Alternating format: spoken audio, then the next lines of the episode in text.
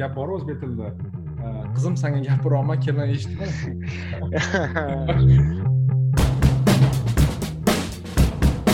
слишком такой dogmatичный o'ylashyaptida ha oshiryapti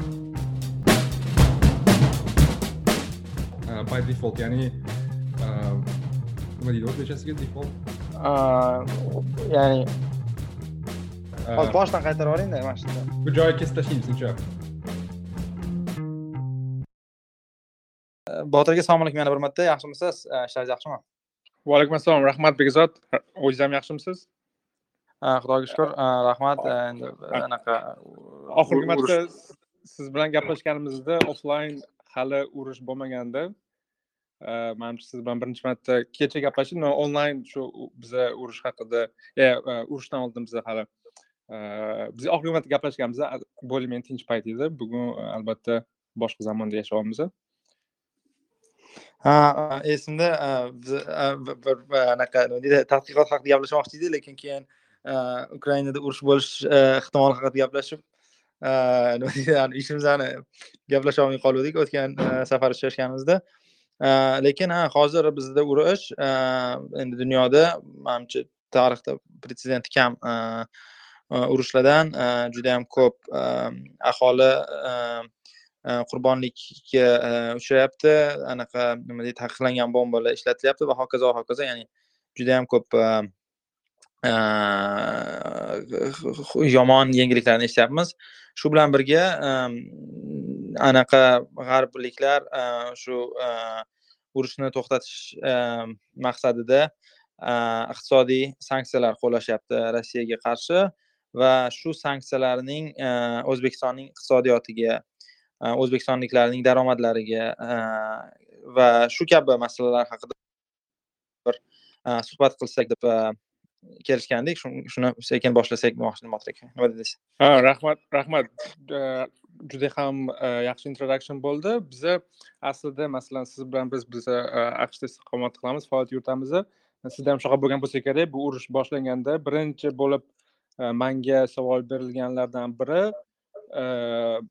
bu sani mamlakatingga qanaqa ta'sir qiladi va sani o'zingga oilangga qanaqa ta'sir qiladi degan savollar bo'ldi.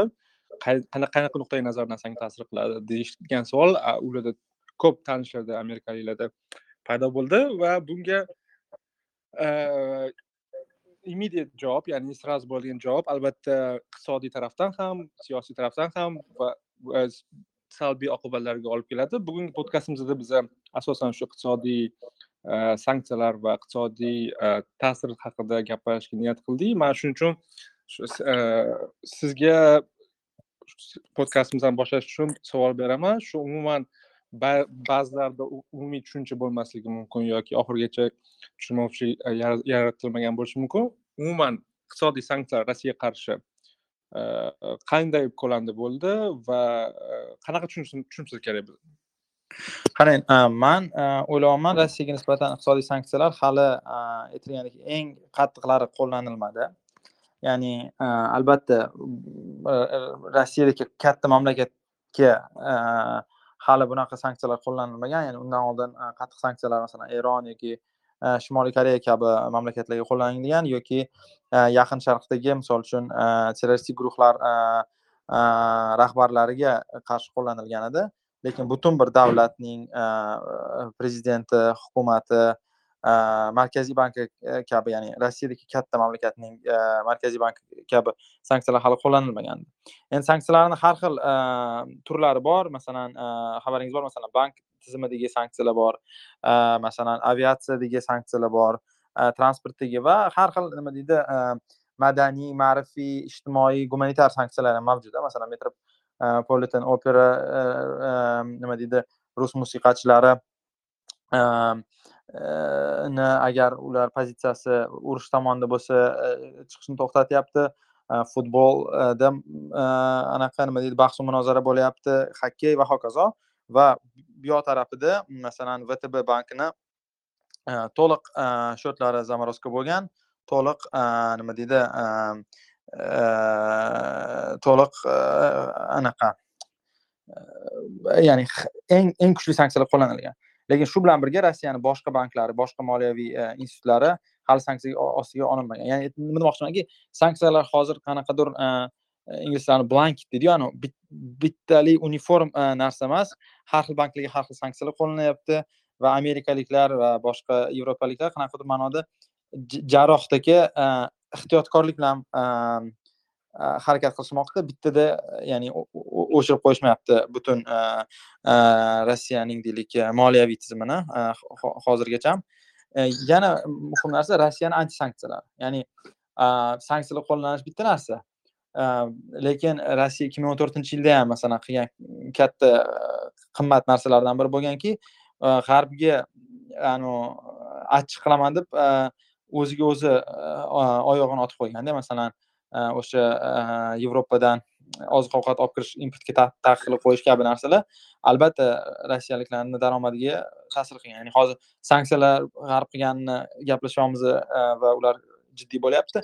Ya'ni ikkinchi taraf bo'lishi mumkin. Rossiya yana anti sanksiya degan narsalar kiritib undan ham yomon anaqaga olib kelishi mumkin bizani. Undan ham yomon muvozanatga olib kelishi mumkin. Shu eng muhim narsa bu yerda manimcha e'tirof etib ketish kerak. Bu sanksiyalar rossiyaga qarshi bu rus millati yoki rossiyada istiqomat qiladigan barcha insonlarga qarshi qaratilmagan. Albatta biz bilamiz sanksiya ya'ni o'sha um, deterrence degan effektini rolini o'ynab berish kerak edi oldini olish uchun.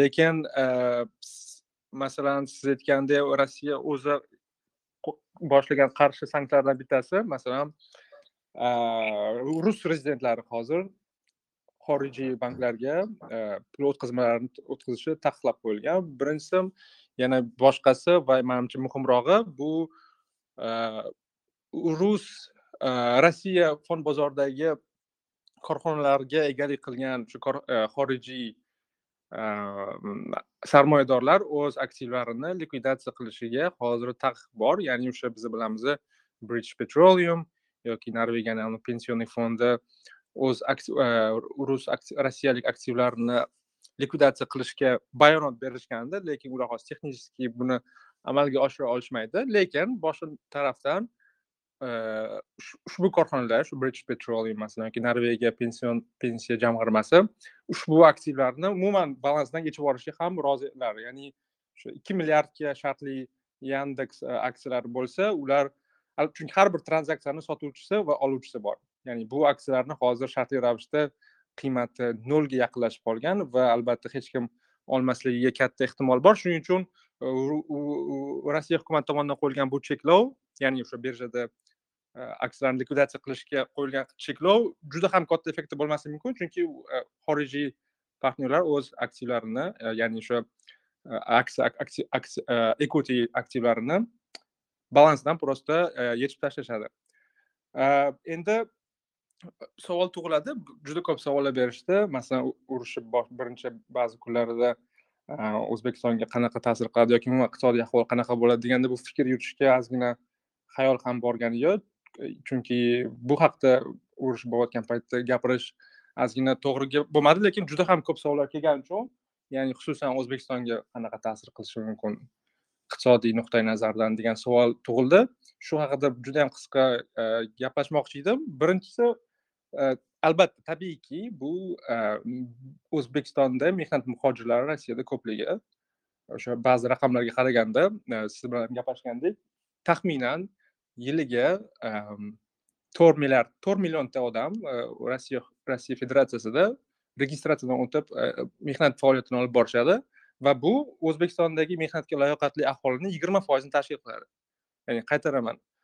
Mehnatga layoqatli o'zbekiston aholisini yigirma foizi rublda to'g'ridan to'g'ri daromad qiladi. Ya'ni rubl qadrsizlanishi yoki rossiya federatsiyasi iqtisodiyoti oqsashi natijasida bizni shartli o'sha yigirma foiz mehnatga layoqatli aholimizni to'g'ridan to'g'ri jabr ko'radi va ular yuboradigan o'sha pul e, jo'natmalari taxminan besh to'rt to'rt besh milliard atrofida bo'lsa bu juda ham katta summa. Ya'ni o'n yigirma foizlik qisqarishi bu yuz ikki yuz millionlik tushumni qisqarishini ko'rsatadi. Va bu bizani yalpi ichki mahsulotimiz taxminan o'n foizga yetarli raqam. Kontekst berish uchun bu raqamlarni sizlarga aytib o'tdim. Ya'ni mana shundan xulosa qilsa bo'ladi. To'g'ridan to'g'ri o'zbekistonga effekti qanaqa bo'ladi deganda. Ya'ni rossiyadan keladigan pul bizani byudjetimizni yarmiga tengda taxminan shunaqa и viloyatlarni kesimida qarasangizlar masalan xorazmda eng katta ekan ya'ni aholini daromadlarini shakllanadigan разбивкasiga qarasangiz birinchisi to'g'ridan to'g'ri mehnat lekin yigirma foiz atrofida yigirma foizdan ko'proq aholini daromadlarini yigirma foizdan ko'pi shu transfertlar ya'ni to'g'ridan to'g'ri pul jo'natmalari evaziga shakllanadi. Ya'ni e, mana mana shu kontekstda ham biz o'ylashimiz kerak. И boshqa tarafi u eksport haqida hali gap bormayapti gaplashmasak ham bo'ladi. Ha man mana shuni o'yladim mana agar masalan rubl o'sha e, deylik ertaga masalan yuz ellik so'm yuz qirq so'm bo'lib qolsa bu degani e, to'g'ridan to'g'ri ravishda taxminan daromadlar dollarda ikki barobar qisqaradi o'zbekistonliklarni. Keyin daromadlar qisqarishidan tashqari anu mehnatga talab kamayishi mumkin ya'ni daromadlar nafaqat ya'ni buxgalterlik ma'noda qisqaradi masalan yuz dollar ellik dollar bo'lib qoladi emas ikkinchisi bu o'sha mehnat bozori masalan rossiya o'sishni davom ettirmasa mehnat bozorida raqobat kamayadi bu degani kamroq odam ishchi olishadi. Ya'ni bor ishchilarni ham oyliklar rublda ham oshmasligi mumkin va hokazo va hokazo ya'ni shu nima deydi shu asoratlari ham bor mani yana bitta qo'rqitadigan masala shaxsan mani bu rossiya va ukraina dunyoni eng katta oziq ovqat ishlab chiqaruvchilarida masalan deylik kungaboqar yog'i bo'yicha ukraina masalan shakar rossiya ukraina dunyodagi eng katta bug'doy eksportchilari va hokazo ular ular masalan dunyoni boqadigan mamlakatlar u birida urush ikkinchisida sanksiyalar bo'lgani uchun tabiiy ravishda mm, oziq ovqat narxi oshadi. Ikkinchidan yana bitta narsa agar bilmayman bu qo'llaniladimi yo'qmi agar g'arbliklar rossiyaga nisbatan urug' olib kirishga sanksiya qo'yishsa bu degani rossiyani qishloq xo'jaligi g'arbdan urug' olishni imkoni qolmasa bu rossiyani qishloq xo'jaligi samaradorligini tushirib yuboradi. Э, qishloq xo'jalik samaradorligini tushirib e, yuborishini e, asoratlari e, ikki xil bo'ladi. Birinchisi bu oziq ovqat narxi qimmatlashadi o'zbekistonda. Ikkinchisi oziq ovqatdan tashqari ya'ni narxidan tashqari bu o'zbekistonliklar qishloq xo'jaligida ko'p ishchi ish o'rinlarini yo'qotishadi. Ya'ni rossiya kesimida qarasak o'zbekistonliklar teng tarqalmaganda ishlarida ya'ni masalan qishloq xo'jaligida o'zbekistonliklar juda ko'p ishlaydi. Lekin deylik masalan bank boshqaruv sektorida kam o'zbekistonliklar ishlaydi. O'shanga qaysidir sektorlar qattiq zarbaga duch keladi. Bu masalan qurilish o'zbekistonliklar ish yo'qotadigan joy. Chunki hozir mana foiz stavkalarini ko'rdik. Hech kim ipoteka olmaydi qurilish to'xtaydi. Qishloq xo'jalik kabi narsalar nisbatan anaqa talab tushib ketgani uchun buni ta'sirlari bizga qattiq bo'ladi. Ya'ni masalan man o'ylayapman mana shu bizani diskussiyada man kanallarni o'qiyman boshqa g'arbiy analitikani ham o'qiyman juda kam shu oziq ovqatga narx qimmatlashib ketishi haqidagi diskussiyani ko'ryapman va masalan bu yil bo'lmasa eng kamida keyingi yil rossiyadagi oziq ovqatga narx qimmatlashib ketishi nihoyatda ayanchli oqibatlarga olib keladi chunki o'zbekistonda oziq ovqat xavfsizligi ta'minlanmagan. Ehm, bizada kamida o'n yigirma foiz aholimiz deylik. Kambag'allik ehm, e, chizig'idan pastroqda yashashadi va eng e, kambag'al va eng deylik e, moliyaviy zaif qatlam uchun bunday katta oziq ovqat narxlarini oshishi nihoyatda og'ir qilib keladi. Shuning uchun urush albatta yomon hozir odamlar o'lyapti lekin aytish kerak o'zbekiston uchun bu yerda umuman yaxshi yangiliklar yo'q ya'ni Э, har taraflama э, zararlari э, man o'ylashimcha anavi inglizchada aytadiyu underrated. Ya'ni biz yetarlicha hali tushunmayapmiz e, zararlarni ko'lamini. Ayniqsa mana o'sha aytayotganim e, rossiya g'arbdan e, qishloq xo'jaligiga texnologiyalar va urug'lar olish ola olmay qolsa bu haqiqiy muammoga aylanadi. Albatta haqiqatda bundan tashqari masalan o'sha siz o'tgan sohalarda rossiya va ukraina dunyoda yetakchi bo'lishdan tashqari o'sha kecha qaysi qayerda joyda o'qidim? Wall street journalda o'qidim. Ya'ni balki rossiya va ukraina qaysidir sohada yetakchi eksportyor yoki ishlab chiqaruvchi bo'lmasa ham qaysidir kichkina detalni ishlab chiqaradigan bo'lsa ana o'shanda bu katta muammoga aylanadi ya'ni anavi shartli o'sha tayvan misolida masalan tayvan dunyodagi masalan avtomobilni eng kichkina qismini ishlab chiqarishi mumkin lekin shu eng kichkina ishlab chiqaradigan qismiga qandaydir supply chainda uzilish bo'lsa bu dunyodagi eng oldinga chiqqan muammoga aylanadi va savol tug'iladi. Tabiiy nima qilish kerak degan shu ya'ni bizni sharoitda o'zbekistonda nima qilish kerak degan sharoitda savol tug'iladi. Man o'ylaymanki bilan siz bunga qo'shilasiz bunga e, bitta plyus tarafi eslatma bo'lyapti. Yana bir marotaba juda e, jarangli eslatma bo'lyapti. E, o'sha ma'muriy boshqaruv va institutsional o'sha islohotlarni tezligini yanada oshirish uchun. Chunki tabiiyki savol tug'iladi. Biza o'sha shartli shu yo'qotilgan ishchi o'rinlar rossiyadagini o'zbekistonda qanday qilib yaratish kerak degan savolga javob yana o'sha zerikarli bo'lsa ham o'sha javobga qaytamiz masalan demak ishchi o'rnini o'zbekistonda ko'paytirish kerak ekan degan narsa ikki xil tushunishi mumkin. Davlat sektorida ishchi o'rnini oshirish degan narsa bor yoki xususiy sektorda ishchi o'rni ochilishiga yo'l qo'yib berish kerak degan narsa bor. Agar qarasak masalan davlat sektorida shartli yordamchini yordamchisi degan lavozimni bugun ochib qo'ysa albatta ishsizlik degan narsa yo'q ketadi lekin biz shunday qilishimiz kerakki o'sha boshlangan institutsional reformalarni yanada chuqurlashtirib e, ma'muriy boshqaruv va umuman buyruqbozlik iqtisodiyotdan chiqib natijada xususiy sektorda ishchi o'rinlar ochilishiga e, muhit yaratilishi kerakligi haqida manimcha katta eslatma bo'lyapti deb o'ylayman hozir.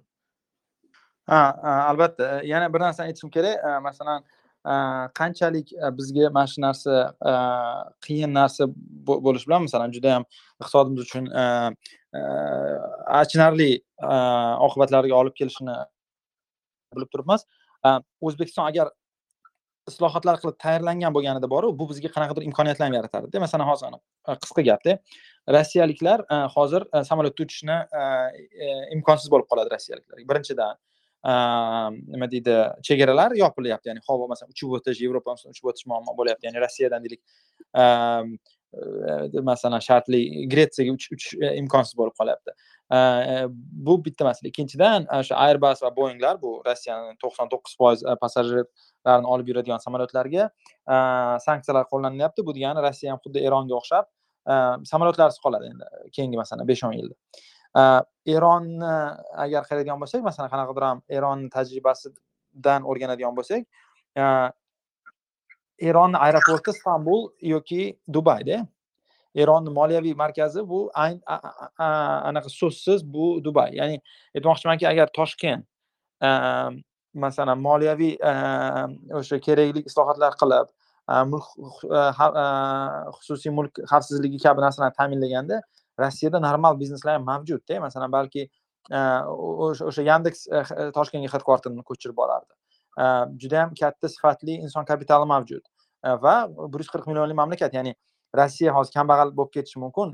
Hali ham yani eslatib olaman rossiyani kishi boshiga daromadlari masalan xitoynikidan balandroq. Lekin shunaqa katta va puli bor mamlakatni sanksiyaga kiritishi bu hamma iqtisodiy aktivnost ya'ni iqtisodiy nima deydi aktivnost faoliyat faoliyat iqtisodiy faoliyat o'chib qoladi degani emas balki toshkent va o'zbekiston agar jadal ravishda islohotlar qilganida rossiyaliklarga yaxshi ko'rinishi mumkin edi buni dalillari ham bor man kecha ko'rdim rossiyada google trendsga kirsangiz qanaqa qilib qozog'iston pasportini olsa bo'ladi degan poyst ha ya'ni ko'ryapsizmi? Masalan qozog'iston rossiyaliklarga yaqinroq ko'rinyapti va man tushunaman nima uchun? Chunki qozog'iston boyroq yaxshiroq chiroyliroq va hokazo. Shuning uchun aytmoqchimanki man dubayda endi yashaganimda bitta zo'r falsafa bo'lardida dubaylik qanaqadir judayam sinichniy nuqtai nazardan o'shanda aytgandi hali o'shanda siriya konflikti boshlanishi arafasida aytgandiki yaqin sharqda muammo bo'lsa dubay Э, ko'chmas mulk narxi oshadi deydida то есть masalan yemenda ishkal bo'ladimi? U yerdan boylik keladi eronda bunisi bo'ladi keladi.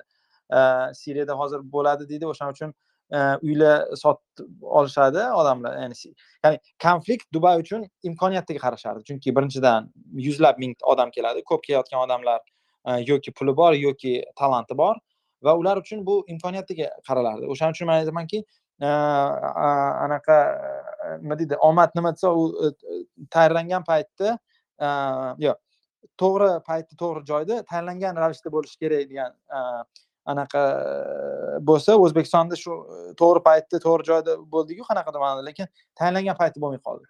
Ya'ni hozir mana butun rus bank sektorini yoki butun rus texnologiya sektorini yoki butun rus aviatsiyasi masalan toshkent rossiya aviatsiyasini poytaxti bo'lib qolishi mumkin edi hozir ertaga masalan rossiyaliklar deylik osiyoga uchaman desa дальний magistralniy samolyotlari.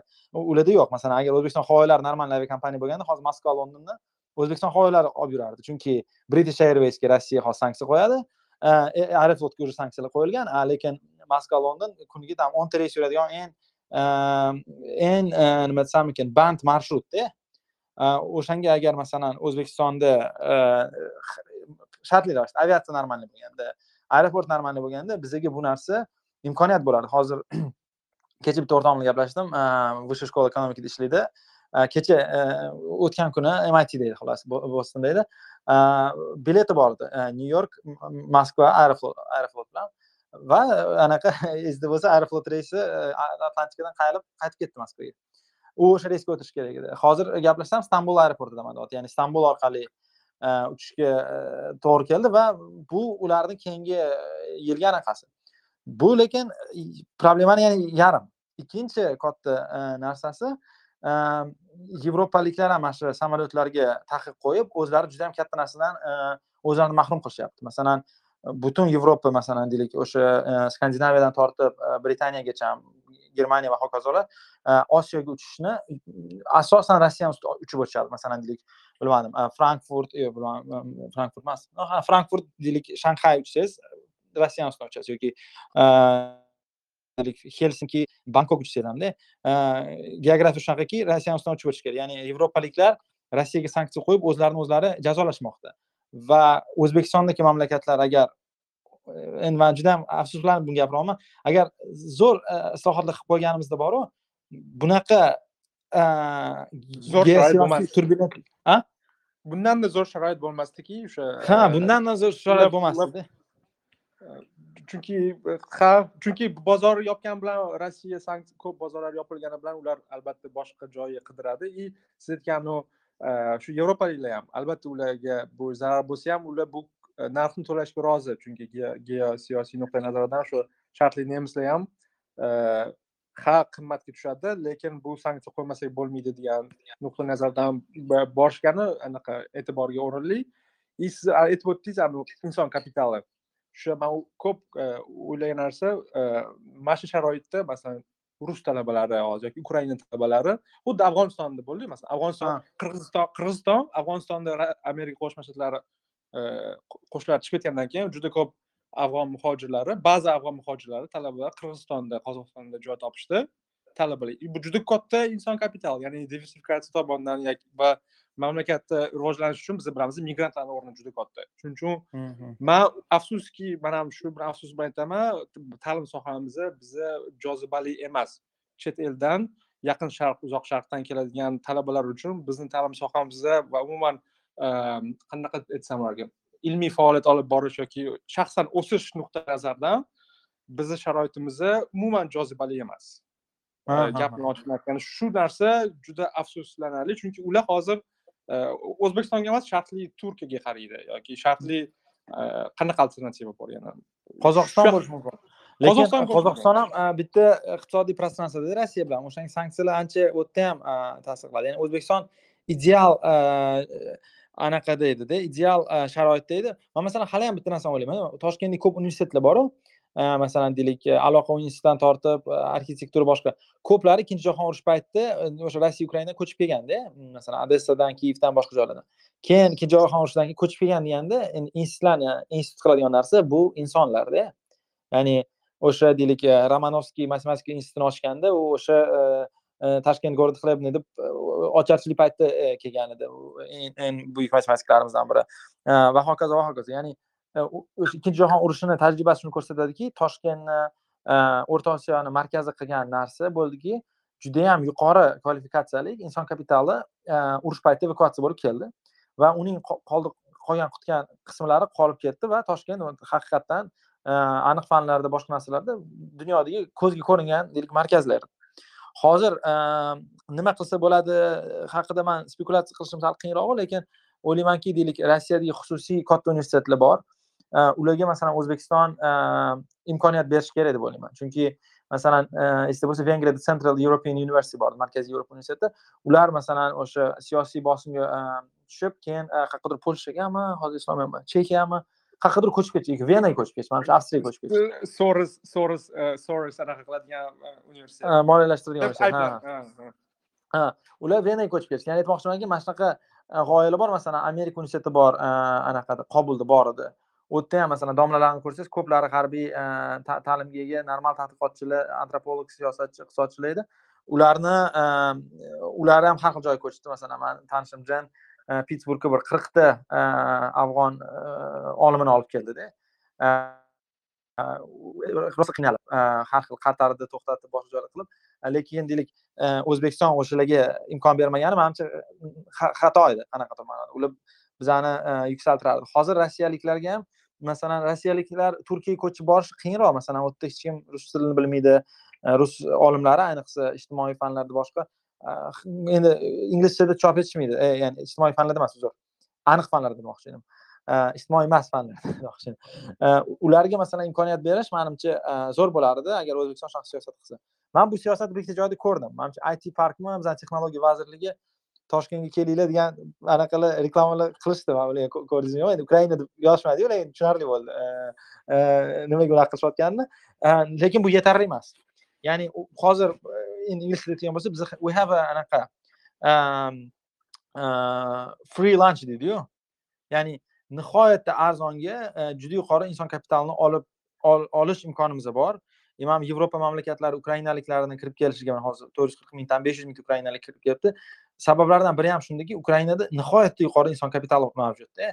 va ularni uh, qabul qilish ularni migrant sifatida assimilyatsiya qildirish bu e, yutuq hatto gruziya ham masalan bu bilan shug'ullanyaptida kichkina mamlakat bo'lmasa ham o'shanga e, albatta man man o'ylayman bizda albatta bu yomon urush e, yovuzlik qaytarib aytaman o'zbekistonga iqtisodiy yomon ta'sirlari bor lekin ikkinchi tarafdan mana shunaqa siyosiy noto'g'ri bir paytda rossiyani elitasi yoki intellektual elitasi yoki biznes elitasini o'zbekistonga kelishini ta'minlash va o'zbekistonda ko'nim topishini ta'minlash bizni deylik e, mintaqada e, ko'lamimizni oshirardi man o'ylayman dubay biz uchun katta dars bo'lishi kerak. Masalan dubayni e, bittasi amerikaliklar to'qson birinchi yilda iroqqa kirishdi iroqdan kelishdi deydi. Ikki ming uchinchi yilda kirishdi kelishdi.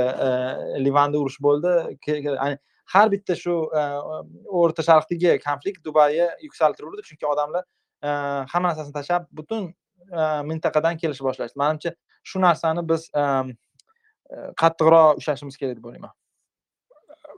Albatta bu e, o'sha siz aytgan shartli it park ya'ni shiorlar bilan chaqirib bo'lmaydida ya'ni e, bu narsani e, faqat shiorlar bilan emas albatta bu tekdan fundamental bo'lgan narsalarni ko'rgan xuddi investorlarni biz chaqirishga o'rganib qolganmiz shiorlar va va'dalar bilan chaqiramiz osh qilib berishadi cho'pon kiydirib berishadi osh qilib berishadi osh qilib beramiz cho'pon qilamiz samarqand buxoro aylantiramiz и eng bitta rasvo dokument bor memorandum of understanding ya'ni qanaqadir ya'ni bilmayman tarjimasini. Anaqa. Memorandum understanding tushunishmikan xullas xullas memorandum of взаимо понимание xullas shunaqa dokument bor ya'ni va'da berish va u narigi taraf ham va'da beradi и bir tiyinga qimmat qog'oz ya'ni hech qanaqa yuridik kuchga ega emas ya'ni aytmoqchimanki biz investorlarni chaqirayotganda ham biz ko'proq yuzaki narsalarga ahamiyat beramiz qanaqa chaqirish qayerga olib borish brend qanaqa qilish lekin aslida ba'zida esdan chiqarib qo'yamizki investorlar ham va o'sha inson kapitali ham chetdan kelayotgan ular ya'ni yuzaki emas bilgan narsasiga qarab kelishadida. Ya'ni e, xuddi e, ya'ni quruq va'dalar bilan e, va quruq yuzaki narsalar bilan eplay olmaymiz. Man bilmadim short term ya'ni qisqa muddatda biza o'sha jozibali bo'ladigan mamlakatga ketishga spekulyatsiya qilishga man ham uncha bilmasdim ekan. Man mana shu narsadan rosa hozir achinayapman to'g'risi. Masalan ikkinchi jahon urushida ko'p germaniya oldin dunyoni fan va ilm fan markazi edida ya'ni aqsh emas yigirmanchi asr boshida. Va o'shanda krizis boshlanganda yevropada germaniyaliklar germaniyalik olimlarda tanlov bor masalan argentinaga borish yoki deylik aqshga daromadlari taxminan bir xil edi aqsh tanlashgan sababi aqshda universitetlar mavjud edi. Aqshda til bilmasa assimilyatsiya mavjud edi va o'sha bilamiz eng mashhur yigirmanchi asr olimlari eynshteyn kabi yoki e, e, boshqa o'sha germaniyadagi deyarli hamma masalan voynoymandan tortib eynshteyngacha hammasi e, aqsh universitetlari kelishgan va bu aqshni dunyoni xaritasida judayam boy va qudratli mamlakat bo'lishiga sabab bo'lgan. Lekin aqshga kelish qarori ham ixtiyoriy bo'lmagan demoqchida ya'ni o'zi shu institutsional anaqa bor edi mavjud edi sharoit kelishardi. O'shanga man ham o'ylayman. Toshkentga hozir misol uchun kelinglar biz sizlarni ehm, e, man bitta e, investor haqida deganingiz bittasi e, shu hukumatda shu investorlarni mm, o'ynatib yurish bilan shug'ullanardi anaqa aytadida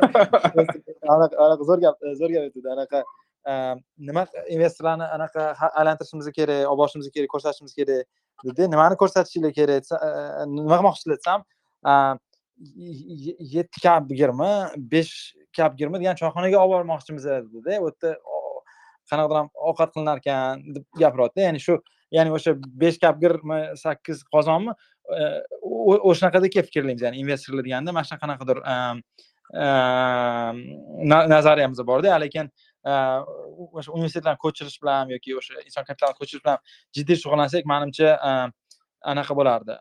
Nima deydi bizga ancha mm, ancha yaxshi bo'lardi bu nima.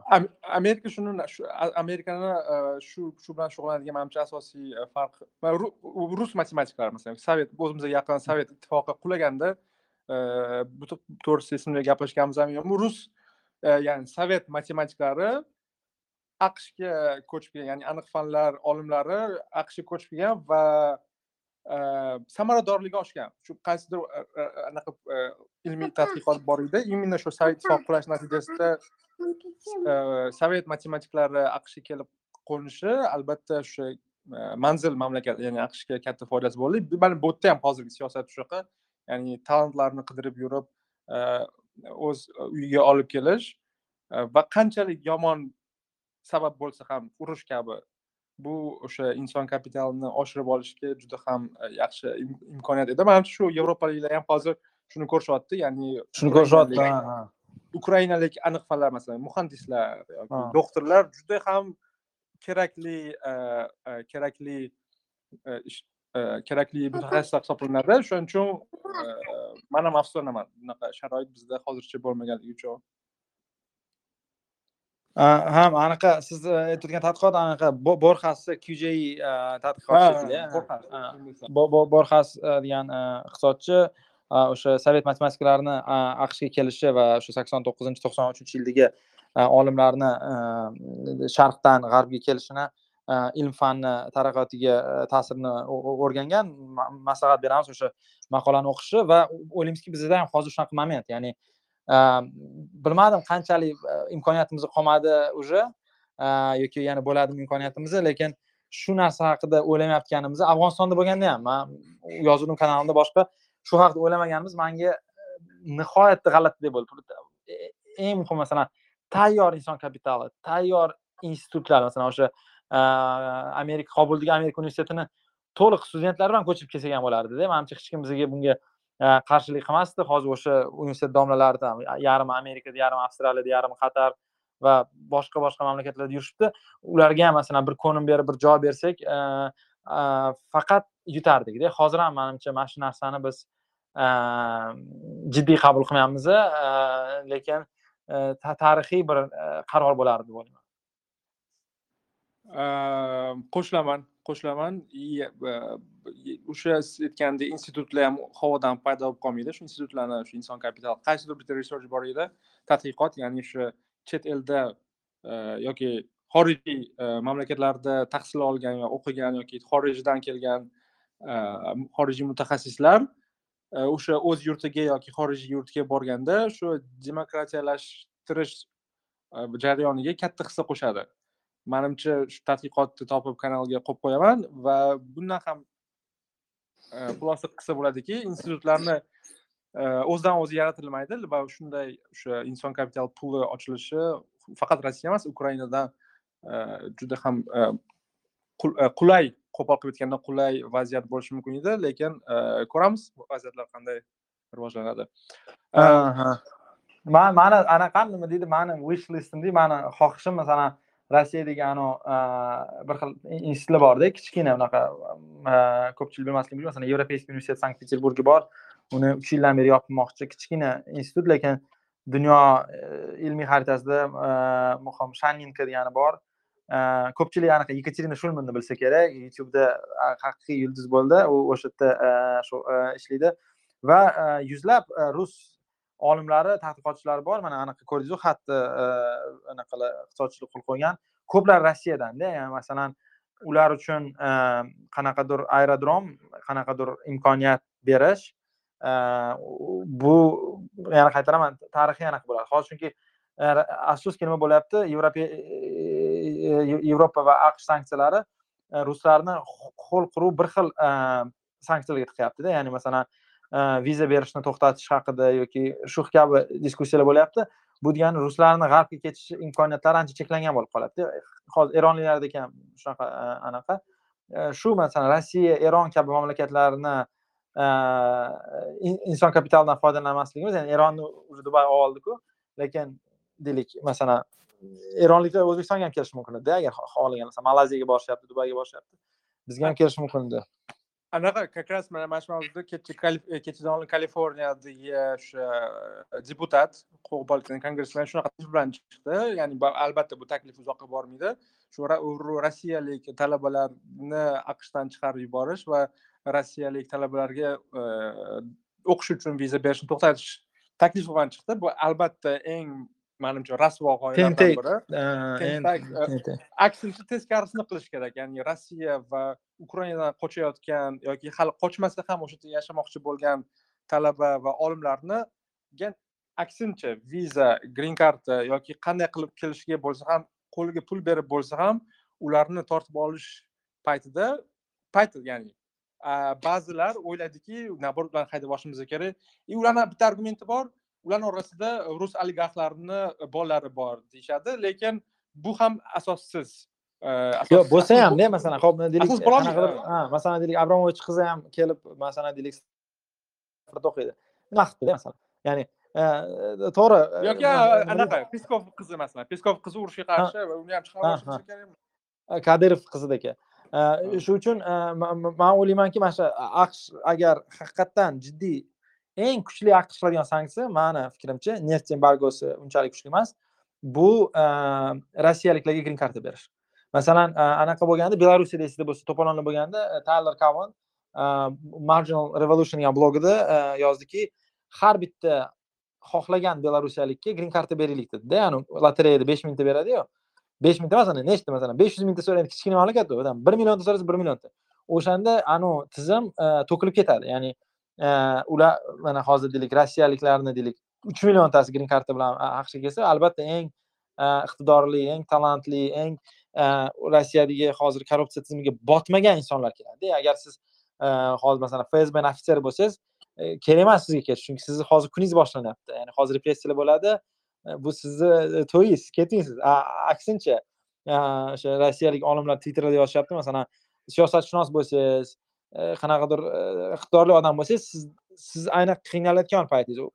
O'shalarga berish bu rossiyani e, ambitsiyalarini ancha zaiflashtiradi e, deb aytyapti. Manimcha ham shunaqa to'g'ri chunki bilmaysizlar bormi yo'qmi saksoninchi yillarni oxirida e, yahudiylarga isroil va amerika kelish ruxsat berilgan va bir xillarini отказники deyishardi anaqa kgb bosim o'tkazib aytardiki yo o'zim bormayman deb xat yozgin derdida ya'ni o'zi o'zi volontyor bo'lib bormayman degan xatlar e, yozdirardi. Keyin manimcha e, chegaradan chiqib ketishni kontrol qilib yuradi e, rus chegarachilari. Agar agar aqsh masalan green cardni bersa shuning uchun ha man kaliforniyalik o'sha anaqa nima deydi qonun ishlab chiqaruvchi manimcha eng dabdala g'oyaga premiyasini sovrindori o'zi kerak eng rasvo и man bu o'ylab qoldim hozir hozir gapingizga o'ylab qoldim ya'ni xuddi shu o'sha g'arb qo'yishi mumkin bo'lgan shu green cardni hammaga berishga siyosatga qarshi rossiyaliklar nima qilishi mumkin rossiya hukumati nima qilishi mumkin xuddi bizga o'xshagan aver masalan. Ya'ni inson kapitalini mobilligiga qandaydir cheklov qo'yishi shunga borishi mumkinmiki? Mana shuni ehtimol manimcha mumkin manimcha mumkin. Bu anavi masalan esingda bo'lsa anaqa qobul aeroportidan samolyotga odamni osib olgandaka bu yerda ham shunaqa narsa bor. Endi junaqa majoziy ma'noda aytyapman ya'ni odamlar imkon boricha e, rossiyani tark etishga harakat qilishadi va albatta masalan e, amerika yoki g'arb e, eng eng yaxshi ularga ko'rinadi. Man yana bitta narsani o'ylaymanda qani bizada o'zbekistonda o'qituvchilar muammosi borda misol uchun o'qituvchilarni olib kelish boshqa. Hozir rossiyada o'qituvchilarni ham oyliklari kamaygan anaqa biz uchun ham bu ancha imkoniyatda olib kelish o'qituvchilarni olib kelish ha masalan hozir o'qituvchilarni rossiyadagi o'qituvchilarni oyliklari ham de facto kamaygan va nima deydi biz uchun masalan eng arzon va qulay imkoniyat bo'lishi mumkin. Masalan o'zbekistonga kelib dars bersangiz pul beramiz desangiz masalan hozir masalan besh yuz dollar rossiyada katta pulda уже oyiga devils advocate bo'lib man aytishim mumkin masalanda radio radio anaqa uchun. Aytish mumkin shartli hozir man siz gapirishayotgan bitta. O'qituvchi o'zbekistondagi qaysidir masalan aytaylik o'qituvchi aytishi mumkin e baraka topkur bizada o'qituvchilar shundoq ham yetadi. Ming dollar oylik baza qilingandi. Bizaga tashqaridan raqobatchi kerak emas tekinga kelayotgan. Bu anaqani qo'llab quvvatlaymanmi degan fikr bo'lishi mumkin masalan ha yo'q to'g'ri bo'lishi mumkin. Mana qarang man nima aytyapman? Biza imkoniyatni bozorga birinchi berishimiz kerakda. Mana hozir toshkentda deylik fizikadan o'qituvchi bo'lsangiz matematikadan yoki ximiyadan yoki programmirованиеdan yoki ingliz tilidan sizga ming dollar oylik topish qiyin bo'lmayaptida. Ya'ni talab e, nuqtai nazaridan o'sha o'quv kurslari tomonidan ham xususiy maktablar tomonidan ham yetarli. Ya'ni ming dollar bu e, o'rtacha e, imkoniyat bo'lyapti. Ya'ni e, aniq behazil masalan ingliz tilida gapirishni bilsangiz ming dollar topish mumkinda. Toshkentda dars beradi rossiyada ingliz tili biladiganlar o'zbekistonda ancha ko'proq. Va shu kabi protsess ya'ni rossiyaliklar o'zbekistonga osonlikcha kelib ishlashni boshlashi masalan ta'limdami sog'liqni saqlashdami boshqa narsadami xuddi shunaqa mana o'zbekistonliklarni o'zbekistonlik doktorlarni anaqaga olib kelishmoqchi bo'lishadi o'zbekistonga va ustama qilib beramiz deb e, qaytib kelsanglar deb. Biz o'sha o'zbekistonlik bo'lishi shart emas deyishimiz kerak o'sha talab. Ya'ni doktorlar kelsanglar e, bo'ldi biz sizlarga pul beramiz o'sha qanaqa va'da qilingan bo'lsa. Ularni pasporti rossiyalik bo'lishi manimcha e, muammo emas. Masalan rossiyadagi yuqori kvalifikatsiyali doktor tinchlikda yoki qanaqadir siyosiy sabablarga ko'ra ukrainalik doktor o'zbekistonda kelib faoliyat olib borishi biz uchun yaxshi bo'lishi kerak. Va ularni o'zbekistonlik yoki o'zbek millatiga mansub bo'lmasligi chegara bo'lmasligi kerak deb o'ylayman. Ya'ni o'sha doktorlarni raqobatda ishlashsin. Agar o'sha ukrainalik doktordan yaxshi bo'lsa qandini ursin ya'ni hech qanaqa bir anaqa taqiq qo'yish manimcha biz uchun shunaqa doktorlar yetmaydigan joyda shunaqa o'qituvchilar yetmaydigan joyda shunaqa muhandis olimlar yetmaydigan mamlakatda bir necha yuz mingta odam kelsa ham hech qanaqa e, yomon tarafi yo'q. Yuz foiz qo'shilaman. Bu savolni berdim chunki o'sha man bu keyin ya'ni gapki e, qaysidir sohalarda masalan e, proteksionistik siyosatda ham xuddi shu argument asosida operировать qiladi. Ya'ni tashqaridan kelgan qandaydir bir shartli raqobatchi mani nonim pirogimni pirogimni kichkinlashtirib qo'yadi va mani hayotimni yomonlashtiradi degan argument bilan o'sha proteksionist lobbistlari e, argumentlarni ilg'or surishadi. Shuning uchun e, boya siz aytgandek orzuyim dedingiz mani ham e, juda yam katta orzularimdan biri o'zbekiston nafaqat o'zbekistonliklar uchun balki mintaqa va kerak bo'lsa global miqyosda barchani emas lekin qandaydir soha yoki qandaydir qandaydir turda faoliyat olib borgan insonlar yoki korxonalar uchun jozibali ingliz tilida destination bo'lishini xohlayman. Ya'ni uh, lekin buni tagida bitta juda yam katta assumption o'zbek tilida nima bo'ladi? Faraz.